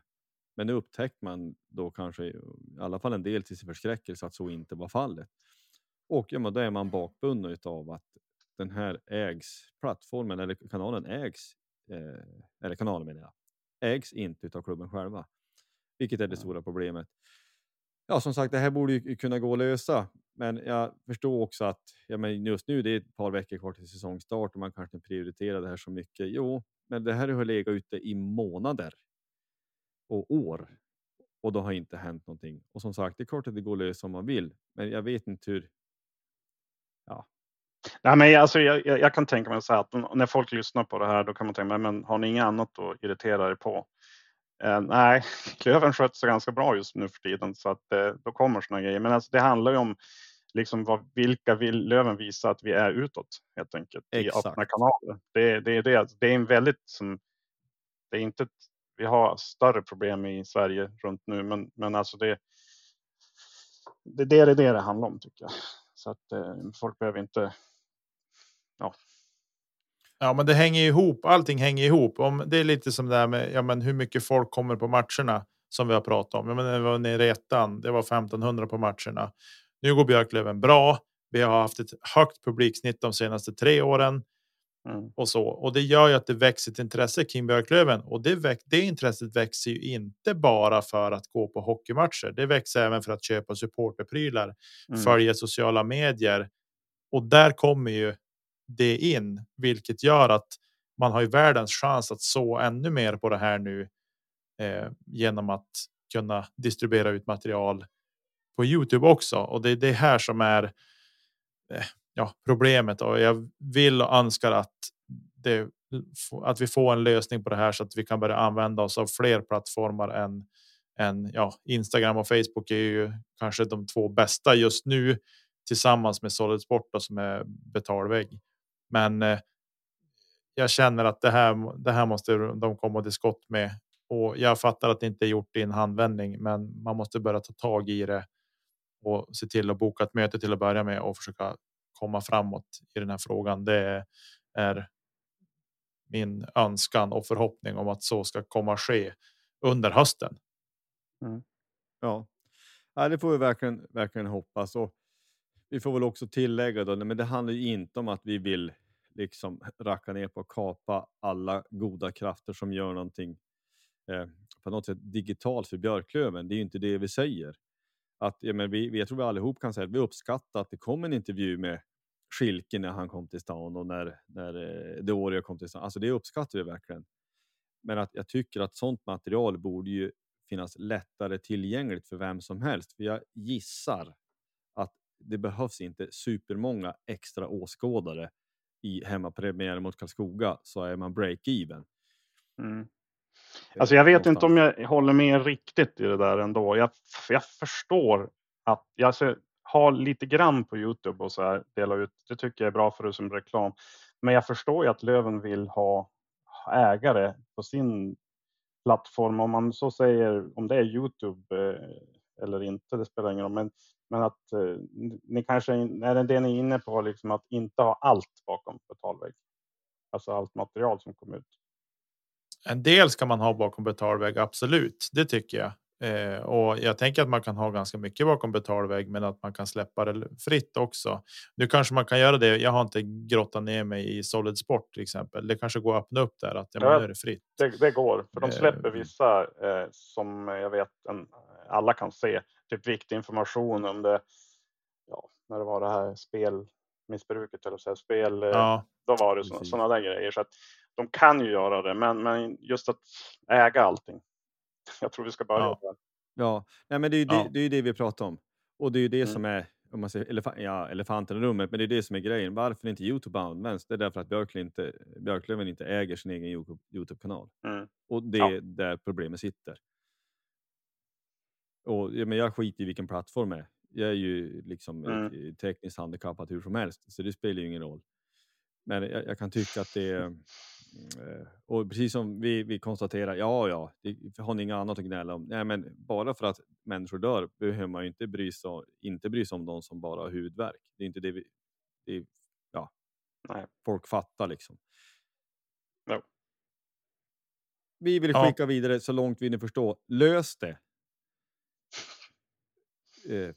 Ja, jag tror vi rullar vidare innan blodtrycket skjuter genom taket. Ja. Eh, och prata om roligare grejer. Målvakter. Mm. Och eh, minnenas allé. Special idag. Vad, vad, vad är din? Vad är? Du får inte säga Göte Välitalo. Vad är ditt bästa minne, Marcus, kring en målvakt som har berört dig extra på något sätt? Tobias Lundström. Uh, kommenterat. Jag lämnar det där. Nej, men, nej, men han var ju liksom. Vi har ju Wikström också, eh, men eh, han, han var. Ja, han var för mänsklig socialt för att vara myst. Han var ingen mystisk. Nej, men alltså Tobias Lundström har ju som en del kanske vet. Var ju min stora eh, idol, kan jag säga under hans tid. Mycket för att han liksom var, finns många historier om honom också.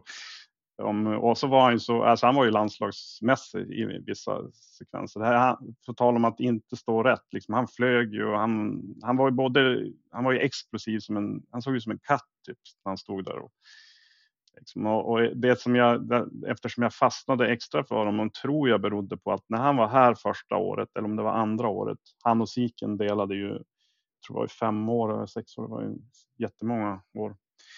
Då eh, var ju alla emot Lundström, eller Tobbe som man kallade mm. Och då, jag, jag vägrade, för jag såg ju, alltså Siken han är bra. Han, han var bra på en allsvensk nivå, men alltså Lundström hade ju sånt otroligt liksom, högsta nivå och han hade stått Tre Kronor. Han var faktiskt den enda svenska målvakt som hade hållit nollan på rysk is mot Ryssland.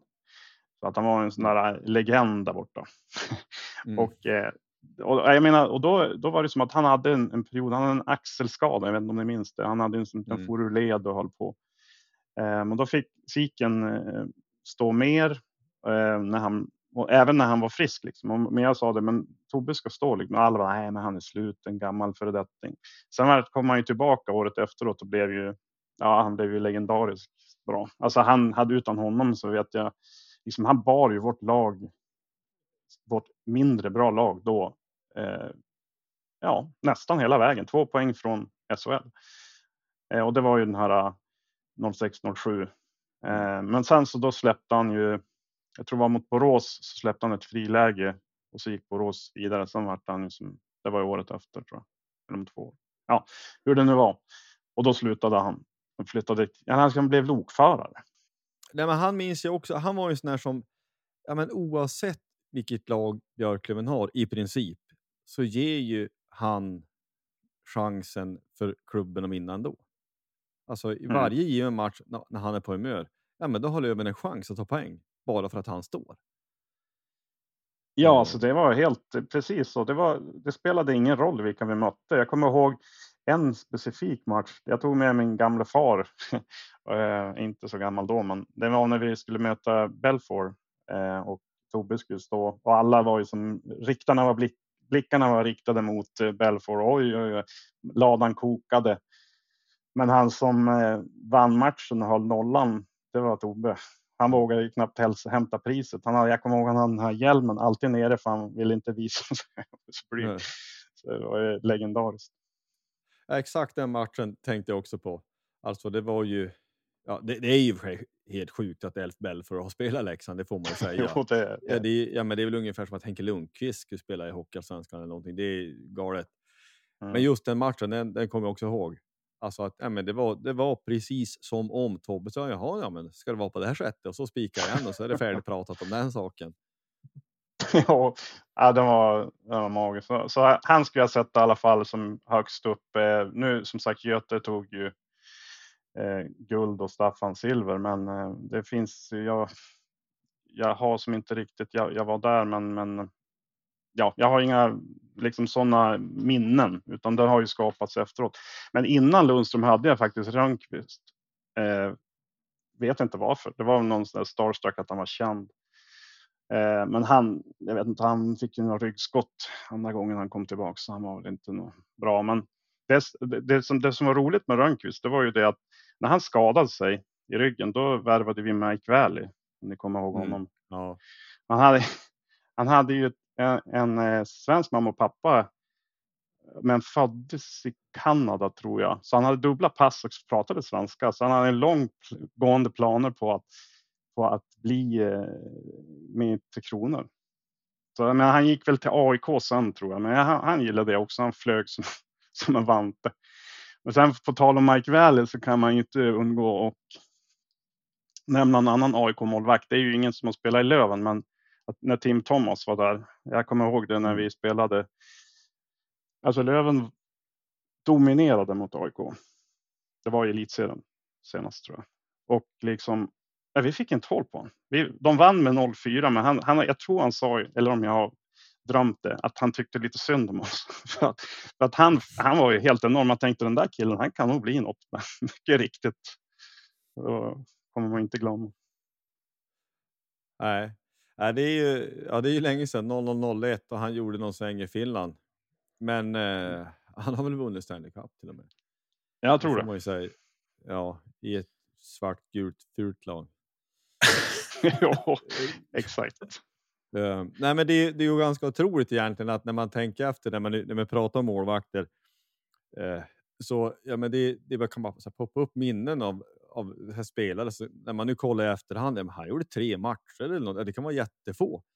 Alltså, mm. Mark Valley till exempel, han minns ju också hur storslaget det var, hur, ja, hur man värmade. Det var innan riktigt internet på det sättet var var mans egendom i alla fall och man tänkte att Löven mm. hade väl någon liksom andra tränare som hette Linerud efternamn i alla fall. Man tänkte vad har han för fax mm. egentligen? Så han fått tag i spelare som inte en kotte visste vem det var. Och som jag minns Mike Wallace var ju han bra, men kollar man efter han gjorde tre matcher vad jag förstår. Han gjorde två i kvalserien, men i kvalserien var han ju bra. De Mm. två matcherna, det är ett litet urval, men han hade ju 93 procent så att man gjorde ju verkligen en. Ja, säg. Nej, nej, men jag, förlåt, jag avbröt, men, men jag vet inte riktigt varför jag fastnade. Det var väl mer som ett coolt namn och han, han var väldigt eh, öppenhjärtad och så här. Jag minns att han var, såg snäll ut, eller man ska säga. Ja.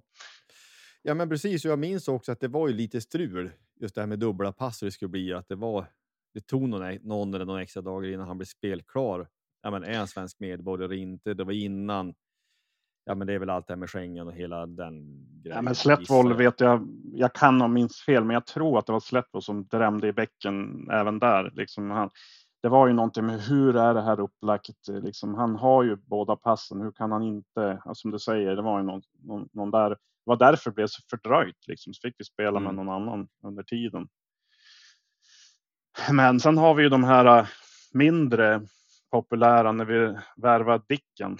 Det var ju otroligt oklart. Jag tycker det var ju skamligt. Alltså Skellefteå ska vi inte prata om så mycket, men det är ju skamligt liksom att inte erbjuda den gamle stor, deras trotjänare nytt kontrakt. Då gjorde han så helt enkelt att ja, men då går jag till Löven. Eh, så då gjorde han det. Men eh, problemet var ju det att jag har för mig att vi värvade han i S, alltså när vi var i elitserien va? Första gången, alltså ni, nej det kan vi inte ha gjort. Men hur det nu var så, så värvade vi honom eh, och till alla supportrars frågetecknande min liksom, vad håller de på med? Eh, hur kan vi Mm. värva Dicken? Det är som att värva Mikaelsson. Eh, 99 men jag kommer ihåg. Ja, precis. Då, var det, i- då gick han till och ville tjäna lite pengar där då. Eh, men då, då, fick, då kommer jag ihåg när jag stod på H. Eh, då kommer jag ihåg att de, man viskade bredvid, för det var sista matchen han spelade. Han spelade ju bara två, en hemma. Då var det straffläggning på slutet, eller om vi fick en straff emot oss i slutet. Och då, då, då stod ju folk på H liksom, ja, missar och jävla dick, dicken. Det var ju ungefär den där stuket på det. Och så sen när han missade, då, då var det som en sån här halvkonstig applåd. Och då förstod man det här kommer ju inte gå. Så då gick han ju Nej. tillbaks till Skellefteå. Då vart han ju efter det kallad för Dollar Dick. Att han gick för pengarnas skull. Ja, nej, men det är väl en värvning som idag, eller jag hoppas i alla fall, skulle vara fullständigt omöjlig att genomföra. eh, på det, på det Ja. sättet. Men det är ju ytterst märkligt, precis som du säger, en gammal trotjänare som har gjort 753 säsonger eh, i Skellefteå och i Skellefteå kommun och sen så helt plötsligt så går han till den största rivalen de har. Ytterst, ytterst Jag tror att det, tyvärr var det nog mer va- ovanligt förr. Eh, det, det, den där grejen. Eh, Det skulle nog mer kunna ske idag tyvärr. Men jag hoppas jag har fel.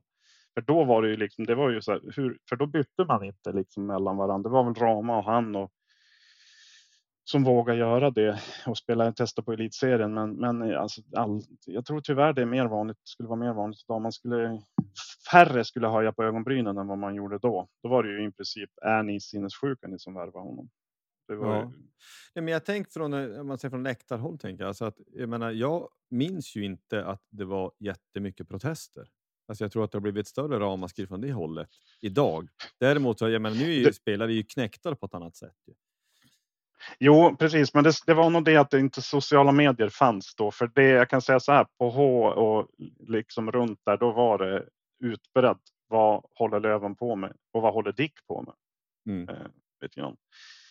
Ehm, ja, nej, men vi ska sluta prata om svartgula människor. Sen Ja. har vi ju, ja, en som jag tycker var synd att vi inte fick behålla. Det var ju Haukeland när han stod i Eh, lagen. Jag såg några matcher. Det syntes att han var en sån där stor trygg målvakt före sin tid. Eh, han kom väl till Löven direkt från Norge om jag inte minns fel. Sen vart det ju, ja, där det blev. Sen har, kan man inte glömma bort de här både Raycroft och Polan eh, har ju varit mm, det är så overkligt att ens, när Raycroft kom, man tänkte intressant, vi kommer från division 1 och så kommer ja, han hit. Och Polan, eh, det var ju en väldigt speciellt för mig. Jag håller på New York Islanders i hockey Mm. och eh, det kändes också liksom bisarrt för han fick ju Islanders hade någon märklig säsong där för början av 10-talet att eller mitten, att de körde på tre målvakter och han fick den som första spaden. Jag kommer inte ihåg riktigt. Han stod mycket då. Och sen helt plötsligt stod han i Löven. Det kändes, ja, nu var det under pandemin visserligen, så det var en liten speciell. Ja, han fick ju inte någon vidare utväxling här heller. eh, Varken han eller Raycroft kanske. Nej, men på län som jag minns det vart innan han blev överkörd första gången så började ju han vara riktigt bra, som jag minns det. Alltså det var en stor Mm. skillnad mot när han skadades och inte och när svensk hockey som den konstiga installation det ibland är. Att eh, ja, men det får inga som helst konsekvenser. Jag, jag minns man var ju helt vansinnig och det blir ju hypotetiskt. Ja, men ta vilket lag som helst, men vad tror du skulle hända om Ja, men om, om Carey Price skulle bli överkörd på det sättet då? Ja, men Shea Weber hade gjort rent hus. Alltså det hade ju aldrig accepterats, utan det hade ju blivit eh, apokalyptiska scener. Mm, ja, det, och så sen andra gången när han far ut, liksom, ja, han ska väl stå i mål, men man kör ju inte över honom för det. Så det, det man rör inte målvakten, visserligen utanför sitt område, men jag såg att det var då mycket gnäll på varför, vad gör han där ute? Ja visst, han är nyskadad, men, men ja, Nej, men det, det är ju bisarrt att ja, men, jaha, målvakten har åkt ut några meter, alltså får jag köra över den. Va, vad är det för Mm. slutsats att dra? precis. Nej, men alltså det, är ju, det, är ju, det finns ju gamla liksom, hjältar. Jörgen Wieser som du säger, han ska ju nämnas. Det är ju 12 säsonger eller vad han hade.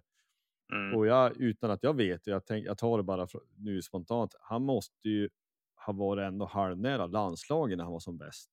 Kan jag tycka. Han var ju på, ta, på tapeten, men han ansågs, jag tror att det var han som kläckte Lennart Norbergs okben som då var i landslaget. Ja, den här han? Södertälje-snubben. Eh, Svin, Han, vad heter han? Rimma på svin.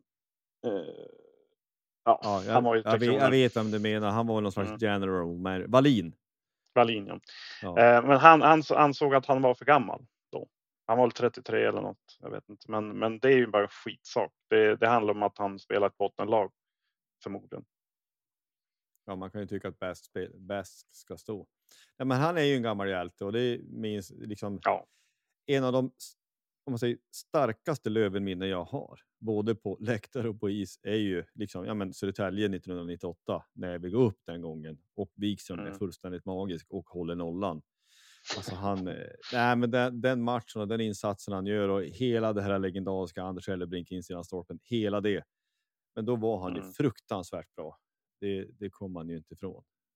Nej, och det är precis så. Det var ju han som tog upp oss igen också, så att det, det var ju. eh, Ja, han. Eh, han var ju en legend liksom. Han började när han stod i mål. Han var ju med Norlin tror jag ett tag. Eh, som andra keeper där i början av 90 var väl då jag typ började gå. Så att eh, han har ju varit, hade varit med. Alltså gå på riktigt så att säga. Det var Mm. väl där sporadiskt innan. Men sen så har vi de här. Det finns, eh, han, vad heter han, skotten där? Murphy. Steven, Ja, det var ju också en. Ja, en historia för sig liksom vid värvan från Bräcke. Det var ju dåvarande klubbchef, inte Björk, vad hette han den andra? Han som är en finansman i Umeå. Eh, Det var ju två gubbar som styrde Löven då. Eh, I alla fall, eh, han fick hit honom på något sätt därifrån. Och så sen när han kom hit då hade han en här röda benskydd. Jätteliten och så en ga- Ja. liten gallerhjälm med sån där slunga. ja. Ja. Ja, nej, men det är ju så här, ja, ja, de, det är sådana man minns. Och så tittar man efter, ja, han gjorde fem matcher, så det, det var ju inte mycket Mm. han gjorde. Men, men det är väl som jag varit inne på tidigare avsnitt, jag menar, när vi är inne på de här gamla minnena, men John Vecchiarelli, eller Vecchiarelli, men det är också en spelare man minns. Mm. Ja, men det var inte jättemånga matcher han gjorde heller, men de gjorde intryck, han och Marian Kashir och många andra här som bara dök upp, gjorde några matcher och sen i efterhand så inser man att det var kanske så mycket, men det var viktigt där och då och därför så minns man det. Ja, men det var väl profiler liksom. Eh, Både han och Mike Valley var jag vet inte varför de fastnade, men, men eh, det var väl så. Och jag vet att Murphy fick stå i sin andra match, eller första match, hemmamatch. Det var ju mot Skellefteå i den berömda, den här bilden har jag sett på bengaler. Eh, Mm, just det. nej, från H som eh, Mm. ja, gjordes då. Den enda gången vi, och vi får, har fått göra det och kommer göra tror jag. Men då, om man ser till vänster där på den här filmen så hänger en skotsk flagga. Eh, så Just att det. det var första matchen han stod. Han lär ju undra vart han kom. Han kom Ja. från Bräcke dessutom. Ja. Hur gick Så den det- matchen? Vann vi eller? Nej, vi förlorade. Jag tror han släppte in fem mål, typ tre, fem eller något sånt där. Så vi torskade. Men han, var, han var ju duktig, han var ju så atletisk. Så när jag, var ju med i supportklubbens styrelse då, så jag intervjuade honom eh, faktiskt till tidningen som heter Treudden. Och han, då berättade han ju att han, eh, ja men hur han blev värvad, men han berättade även om att han körde ett eget klädmärke på sidan om. Så jag kollade för några år sedan när jag läste den där tidningen igen och då finns det där, fanns det märket kvar då som han kör på i England. Som heter WeMurf. Kan ni googla. Det. Alltså det är bara gå all in hör jag ju. Pantsätta det du äger och sen. Exakt. Ja, nej, men det är ju vissa som sagt målvakter som man minns. Så ska man. Vi nämnde lite, ja, men vi åkte ur senast eh, 01 eh, och 02. Den alltså säsongen efter så det, det glömmer jag inte för att det var som att vi, vi hade ett bra lag värva ihop det fast vi hade glömt att värva, värva målvakt. Så vi tog in en finne Mm. som heter Marko Rantanen. och, och så här, ja, men hade vi Ja. haft en vettig målvakt det året så hade vi gått upp, det är jag helt säker på. Nästan i alla Ja. fall. Vi hade halvt kunnat spela om det.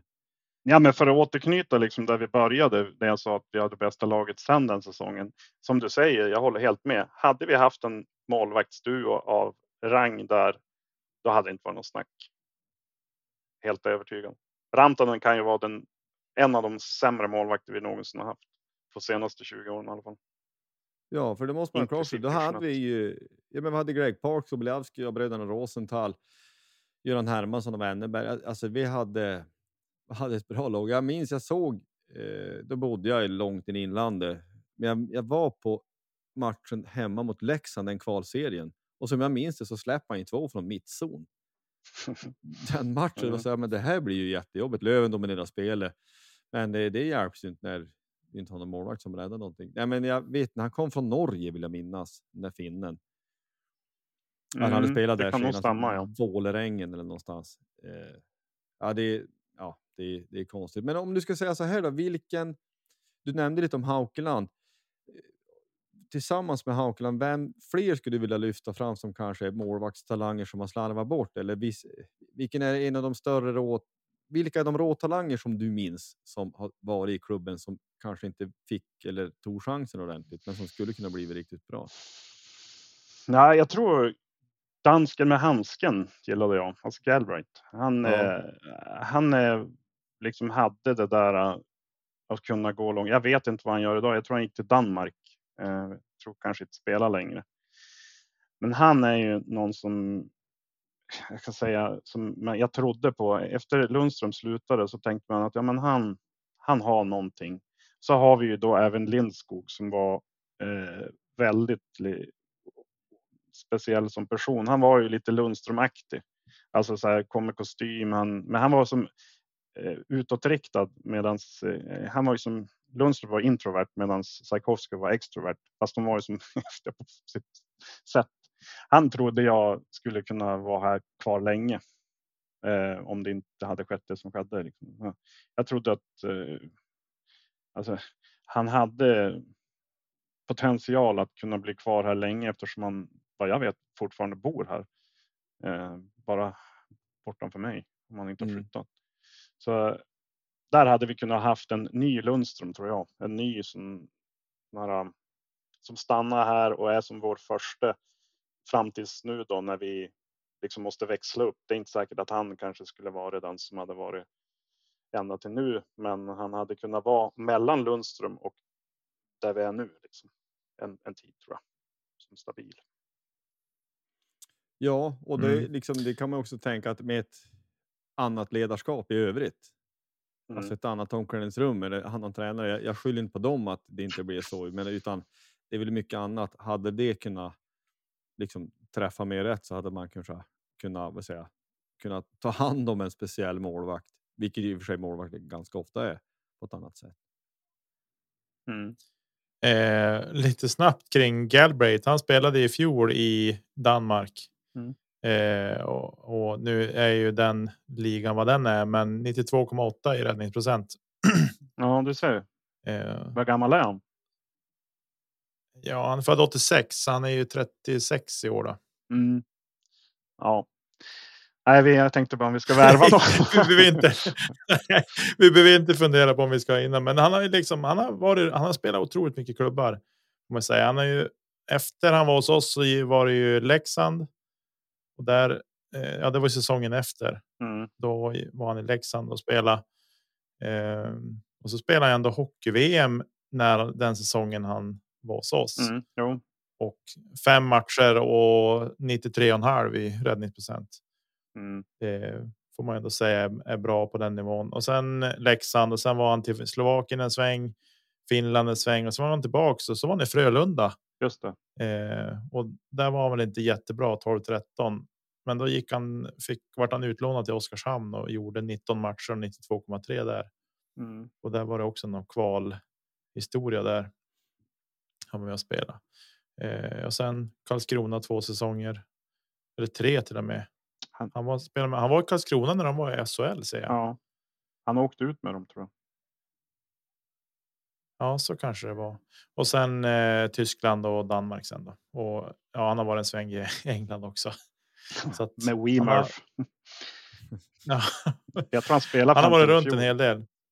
Jag har inte koll, Ja. men jag tror att eh, om vi eh, nu var inne på England, men jag tror att Murphy spelade som tredje keeper i landslaget för bara något år sedan. Eh, det är ju rätt märkligt. Men, ja, men jag, på tal om att värva målvakter där. Jag tycker Löven har det väldigt förspänt nu med de vi har i A-laget. Sen har vi ju Thelin som jag, eh, jag var ju typ begeistrad innan jag sett honom spela för att få fram en målvakt som är 17 år och kan stå i, laget liksom på försäsongen. Då har vi ju någonting att bygga på, en nyfiken kanske förhoppningsvis. Eh, men sen så har vi också, vi, vi em, hade ju Tornefelt tror jag han heter i Teg, som Mm. också är kvar. Så vi hade som tredje keeper innan vi tog han i Timrå i fjol. Jag menar, han har ganska bra stats har jag för mig och nu kommer Thelin dit och liksom det målvaktsparet som vi har att tillgå, framförallt Thelin som har, är röd avgång. Vi får ju ta han även i kval om vi mot förmodan ska behöva det. Så har vi ju ganska bra förspänt i Umeå med målvakter tycker jag. Mm. Ja, och det är vi också Precis. inne på det vi har varit på förut flera gånger, att i den bästa av världar då så om man tänker bygga upp, ja, men då blir det ju uppstyrt med, med juniorlaget på ett helt annat sätt och har ju en möjlighet att kunna på något sätt behålla talanger på ett annat vis. Men när vi är inne på det, nästan ja, men, en snabb sväng liksom i, i memory lane, alltså där med små målvakter. Minns du Ola Hedqvist? jo, det gör jag. Hur, kom du att tänka på honom? Ja, men han är lite drygt 1,70. Jag kommer ihåg att han var liten. Jo, var det inte han som stod med Norlin samtidigt? Typ början av 90 Ja, Han hade vi ju när vi gick upp 98 var han ju Ja. med i. det var han ju. Eh, och då, ja, men då spelade han ju med, med, med Wikström. Ja, med Ja, Jörgen. just det. såklart. Men han gjorde... Ja, han, ja, han gjorde några matcher då, då precis. Ja, men han var bakom han helt enkelt. Spelade ju, kommer från Husum minns jag. Det var väl i Mm. samma veva. Mm. Ja, men alltså Husum konkade väl eller halvvägs och Wågström kom ju då också. Så att, det var väl det som hänt kanske. Han har gjort, gjort en Mm. säsong i tyska tredje ligan, bara en sån sak. Mm. det är inte alla som har gjort det. Nej, det är det ju inte. Men går man ännu längre tillbaka, jag minns ju också när, och det är när man, ja, man läser saker i tidningar, men vi värvade en målvakt som kom från södra Sverige, från Örebro. Eh, liksom Patrik Hoffbauer, det lät ju som ett fränt hockeynamn. Han var inte fullt lika bra i mål som hans efternamn förpliktigar. Men jag minns att det kom en snubbe därifrån i alla fall. Vi hade en, eh, vi skulle visa vårt eh, datacenter eh, med arbetet som jag jobbar med och eh, tyckte jag kände igen personen i fråga för det var en kund, eh, Telenor. Eh, så kom deras vd in och så sen så började jag kolla på listan liksom sen när vi hade varit där. Så ser jag Hoffbauer. Då var jag tvungen att fråga. Du, Eh, och så började jag fråga, "Ha- hur är det med dina gröngula ådror? Liksom. Då Ja, flinade han bara. Han bara, hur, jag trodde aldrig jag skulle bli igenkänd här. Nej, det var ditt efternamn. nej. Du, så- ja, men du släppte in två hög... du släppte in två höga på plocksidan ja, precis. hemma mot Brynäs. Eh, vad har du att säga om det egentligen? Så här 23 år efter. Ja, jag minns jag var ganska besviken då. Jag var 12. Vad har du att säga till ditt försvar egentligen? Ja, han, vet du vad? Han var faktiskt i ladan eh, i fjol och såg slutspelet mot HV. Mhm. Sista match. Då satt han där nere igen. Så jag antar, han är för Svenska Spel nu har jag för mig någon höjdare. Just det, det där känner jag igen. Det där har jag också hört. Eh, har Ja. också hört. Men om vi, vi ska knyta upp det lite grann. Men om man tar en sån som Thulin, då, hur, din syn på hur ska man ta vara på hans talang bäst? Enligt Gå dig? upp. Ja, Det är enda sättet. För eh, jag tror Löven är de enda tillsammans med Almtuna som har kvalat sig upp Eh, i superelit. Men vi måste gå upp i, med representationslaget för att lyckas behålla, inte bara Thelin utan andra som kommer att bli bra. Men, men det turliga är väl här att Thelin är 17 år. Han kan ju, han har nog inte jättebråttom iväg. Om han nu första A-lagssäsongen blir det väldigt teg. Jag tror inte någon drar. Han kanske helt plötsligt är mogen i nästa år för att stå backup. Det vet man ju aldrig. Alltså, det kan ju gå ganska fort om man har talang. Så då kanske vi knyter till honom där och liksom spela andra fiol. Det vet man inte, men annars får han gärna göra en säsong i Teg nu och sen kanske någon mellan säsong i Teg med Löven nästa år. Det gäller bara att ha lite is i magen som spelare får jag hoppas och inte bara dra direkt. Eh, Men jag kan ju tänka mig att han har ögonen på sig. Det, men ähm, kort svar är väl ta oss härifrån. Så löser sig det mesta. ja. Nej, men jag är då redo att gå till beslut på den saken. Jag, jag, jag, som, och som jag känner dig Niklas så tänker jag att du tycker att det också är en bra idé. Det tycker jag absolut. Jag skulle gärna gå upp med Löven och gärna, gärna göra det under under Kentes tid så att vi har en sportchef som som har koll på på läget och kan värva upp en bra trupp åt oss. Jag tror att det är viktigt Mm. också för att sen kunna klamra sig kvar där uppe när ja, när när det ser ut som det gör med att eh, behålla sin plats i SL och ta sig upp dit. Det är ett nålsöga Mm. ta sig upp som det är nu. Och så. Eh, ja, men jag tror att vi ska ta och börja runda av lite. Den, det här av det blir lite längre avsnitt idag, men det är ju bara gött och härligt. I alla fall om man frågar Josef. Han vill väl helst sitta och prata på i någon timme eller två till. Alltså, Jag som hade just tänkt säga så här att eh, ni får klippa lite idag för jag pratar på så mycket. Här klipps Ja. ingenting Nej då, kan jag säga. Nej, men eh, alltså, one take wonder. Nej, du, du vet, vi utgår från When We Were Kings och sånt. Tre och en halv timme. Det är målvakter från 90-talet. Lätt.